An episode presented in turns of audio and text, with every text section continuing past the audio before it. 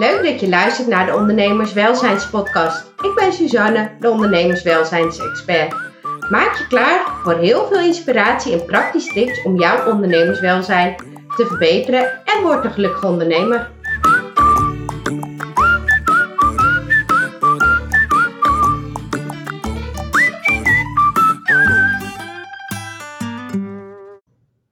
Het draait allemaal om de cashflow.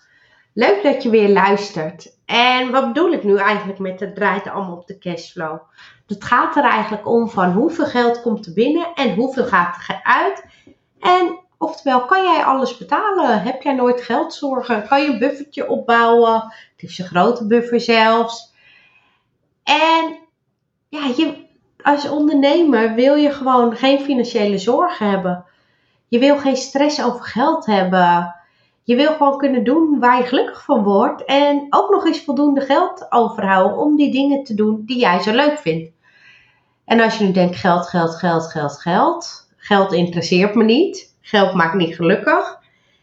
Ja, je hebt er nu eenmaal mee te maken. Uh, het dingen ruilen is niet meer zo praktisch. Dus daarvoor is geld in het leven gekomen om gewoon dingen makkelijker te kunnen ruilen met elkaar. En nou, heel veel uh, business coaches hebben het over omzetdoelen. En als je dan weer met financiële business coaches praat, hebben ze het over winstdoelen. Want een omzetdoel is leuk, maar als je net zoveel kosten uitgaat, hou jij uiteindelijk niks over. Ik ga er even van uit dat jij ZZP'er bent. En je winst, dus de omzet minus alle kosten die je maakt, dat is je winst. Dat is eigenlijk jouw bruto salaris. En over dat bruto salaris ga je nog belasting betalen. En wat dan overblijft, nou, daar kan je leuke dingen van doen, privé. Oh, daar kan je hypotheek van betalen, boodschappen doen, kleren kopen, dagjes uit, vakanties. Noem maar op. Dat is echt jouw netto salaris vergelijkbaar met toen je in loondienst was. Tot zover hoop ik duidelijk. Maar wat is er nu in dit land aan de hand? Uh, we werken met een progressief belastingstelsel. Oftewel, des te meer je gaat verdienen, des te meer belasting je gaat betalen. Nou, ik heb dat even uitgerekend met als voorbeeld, um, je houdt 1000 euro winst per maand over.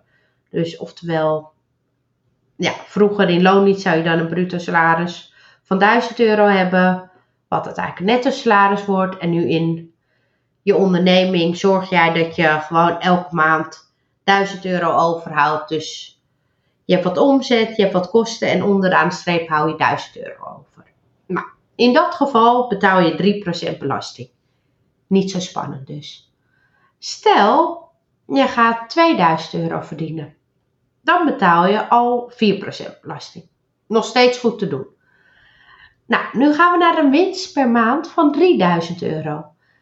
Dan gaan we al 9% belasting betalen. Maar let op, op het moment dat jij 4000 euro overhoudt, ga je dubbele aan belasting betalen. Dus niet 9%, maar 18%.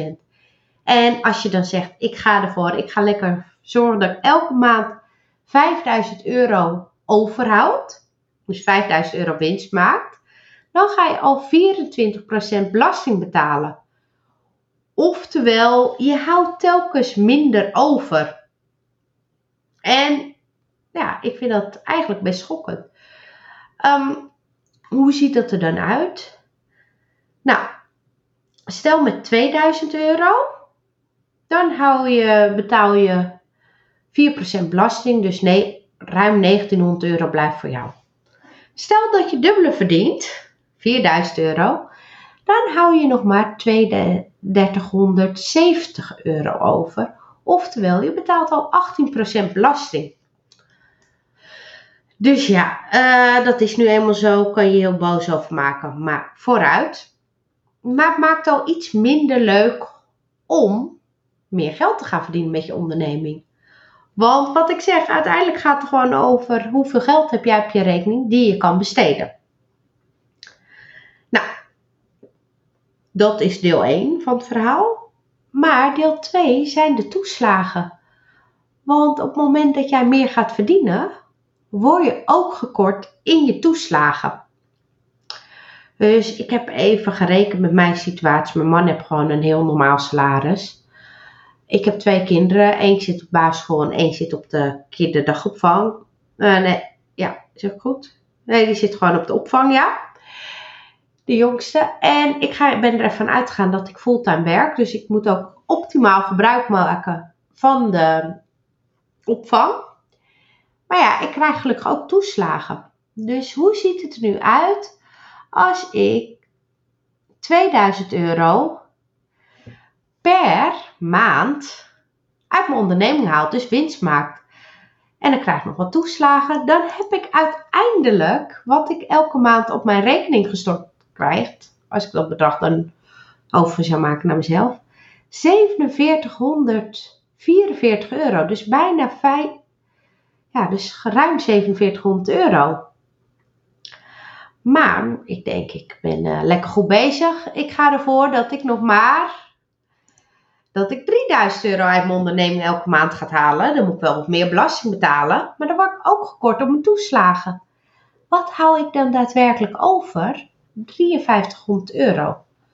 Dus ik ga 1000 euro meer per maand verdienen. En ik hou daarvan maar 500 euro meer over. Als ik het nog eens met 1000 verhoog, hou ik nog maar 300 euro meer over. Als ik het nog eens met 1000 euro verhoog, hou ik nog maar 200 euro meer over. Dus het bedrag wat ik uiteindelijk overhoud van 1000 euro meer per maand winst maken in mijn onderneming, wordt telkens minder. Dus laat het, ja, had ik bij 2000 euro nog in totaal ruim 4700 euro. Is dat bij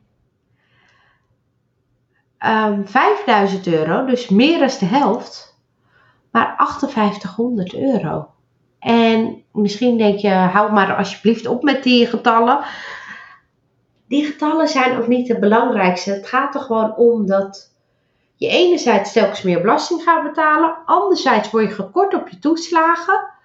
Dus het geld wat je daadwerkelijk te besteden hebt om leuke dingen van te doen, die stijgt in verhouding heel traag. Hij stijgt wel iets. Maar ja, het is niet uh, heel veel. En ik vind het de grootste onzin die er is. Maar daar kan je even niks aan veranderen. Maar ik snap wel dat het op die manier niet leuk is om per se meer geld te verdienen.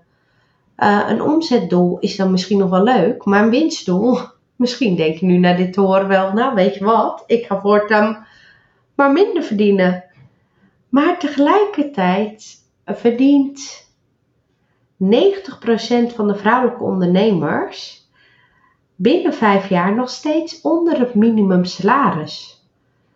Dus ja, heel hard gezegd, die hadden beter in loondienst kunnen blijven, want alles meer overgehouden. En dat heeft natuurlijk ook wel te maken met dat je telkens zoveel meer belasting gaat betalen, waardoor het ook niet heel interessant is om nog veel meer geld te gaan verdienen. Vervolgens word je ook nog gekort op je toeslagen. En 9 van de 10 keer moet je wel veel harder werken om dat meer geld te verdienen. Dus je gaat vrije tijd inleveren. En op je banksaldo zie je het amper terug. Dus je kan ook niet per definitie heel veel meer leuke dingen doen. Want als je uiteindelijk maar 1000 euro meer verdient. en qua bank blijft daar maar 500 euro van over. Ja, 500 euro is in een maand ook zo op. Ga eens boodschappen doen. Uh, ga eens een keertje uit eten het is zo weg, die 500 euro. En is dat waard al die uren die je daarvoor werkt? Nu is het niet te doen om tegen iedereen te zeggen: ga maar minder werken en ga maar minder verdienen. Maar het is wel iets om over na te denken. Want we kunnen wel allemaal financiële cijfers gaan nastreven, omzetdoelen, winstdoelen. Maar uiteindelijk zouden we toch moeten nastreven van een geldbedrag moeten nastreven van welk bedrag heb jij nodig op je rekening om gewoon altijd rustig van te kunnen slapen? Uh, welk spaarbedrag is dat voor jou? Um, welke droom heb je? Heb je bijvoorbeeld, uh, wil je graag een nieuwe auto kopen? Hoeveel geld is daarvoor nodig? Um, hoeveel geld wil jij eigenlijk elke maand aan jezelf overmaken? Zodat je zeker weet dat je gewoon alle dingen kan doen die voor jou belangrijk zijn. En precies dat is waar wij het met mijn uh, nieuwste traject over gaan hebben.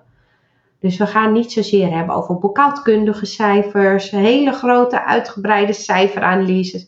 We gaan gewoon echt het hebben over geld. Hoeveel geld heb je nodig om jouw droomleven te creëren? En hoe ga je aan dat geld komen? Dus het is heel iets anders dan het standaard boekhoudkundige. Ik denk ook dat het misschien wel veel praktischer is.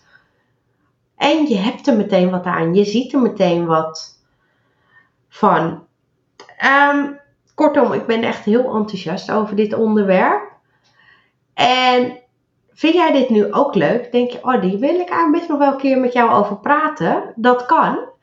Ik ga onder deze podcast ook even doorgeven ja, hoe jij dus contact met mij kan opnemen. En dan gaan we hier gewoon een keer samen even over praten. En ik ben heel benieuwd naar jouw mening hierover en hoe jij hiermee omgaat. Nou, hopelijk spreken we elkaar snel. Dag! Dit was het alweer. Bedankt voor het luisteren. Als je dit inspirerend vond, abonneer dan en mis nooit meer een aflevering. Heb je vragen? Kijk op ondernemerswelzijn.nl. Help mij om nog meer ondernemers gelukkiger te maken door deze podcast te delen met jouw netwerk. Dank je, dag!